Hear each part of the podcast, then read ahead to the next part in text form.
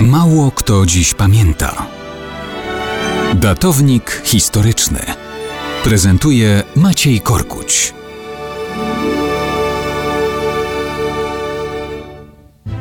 Mało kto dziś pamięta, że w październiku 1505 roku żywot zakończył władca skały Jan II Grimaldi.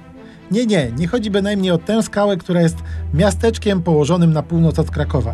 Chodzi o najprawdziwszą, jedyną w swoim rodzaju skałę, która stanowi jedno z najmniejszych państw Europy Monako. To naprawdę tylko nadmorska skała. W księstwie Monako nie ma ani złóż mineralnych, ani lasu, ani pola, łąki czy pastwiska. Powierzchnia to dzisiaj niespełna 2 km kwadratowe. Jan II Grimaldi był władcą Monako, czyli seniorem. Swój los wiązał z królem Francji.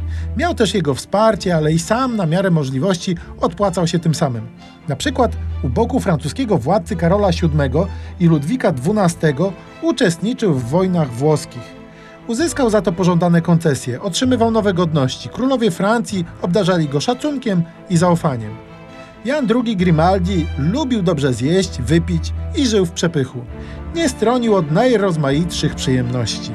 Miał przy tym dość wybuchową naturę, która ponoć przyczyniła się do śmierci jeszcze przed czterdziestką.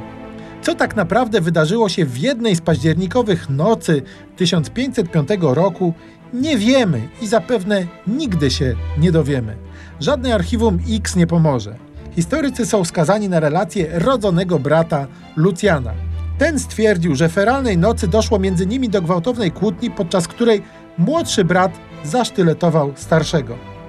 Lucjan twierdził, że się jedynie bronił, zaatakowany przez porywczego seniora. Przyjęto to wyjaśnienie i to Lucjan został nowym władcą skały.